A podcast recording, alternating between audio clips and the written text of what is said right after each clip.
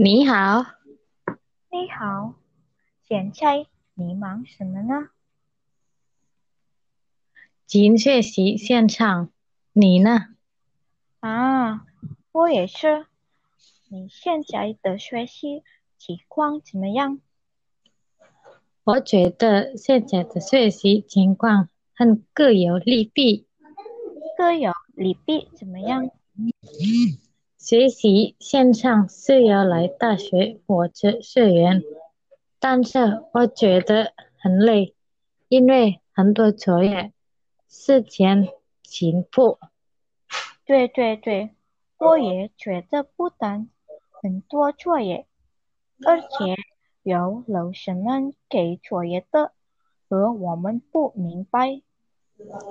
是啊，我常常急得要命，很紧张的要命，但是那个不会解决问题，我不可避免的跟的跟上。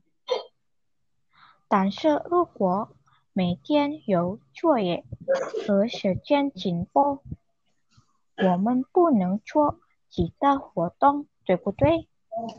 对呀，我也是。最近是在太忙，我的身体也不太好。听你这么一说，你是不想去旅行了？很想。也还有很多我想做的活动，有些人朋友和我的爱好，而且我必须完成这项任务和教育，以便我可以在以后全部完成。我们必须互相互相鼓励。我同意。来说，你对这个学期的成绩满意吗？我认为这个学期我的成绩下降了，因为我很多不明白本学期的课程，所以我请一个朋友来帮忙学习的。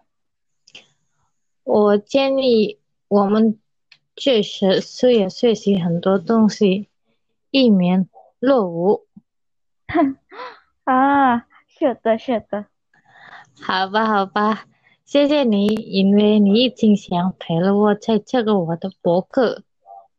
没事，没事。好啊，再见。再见。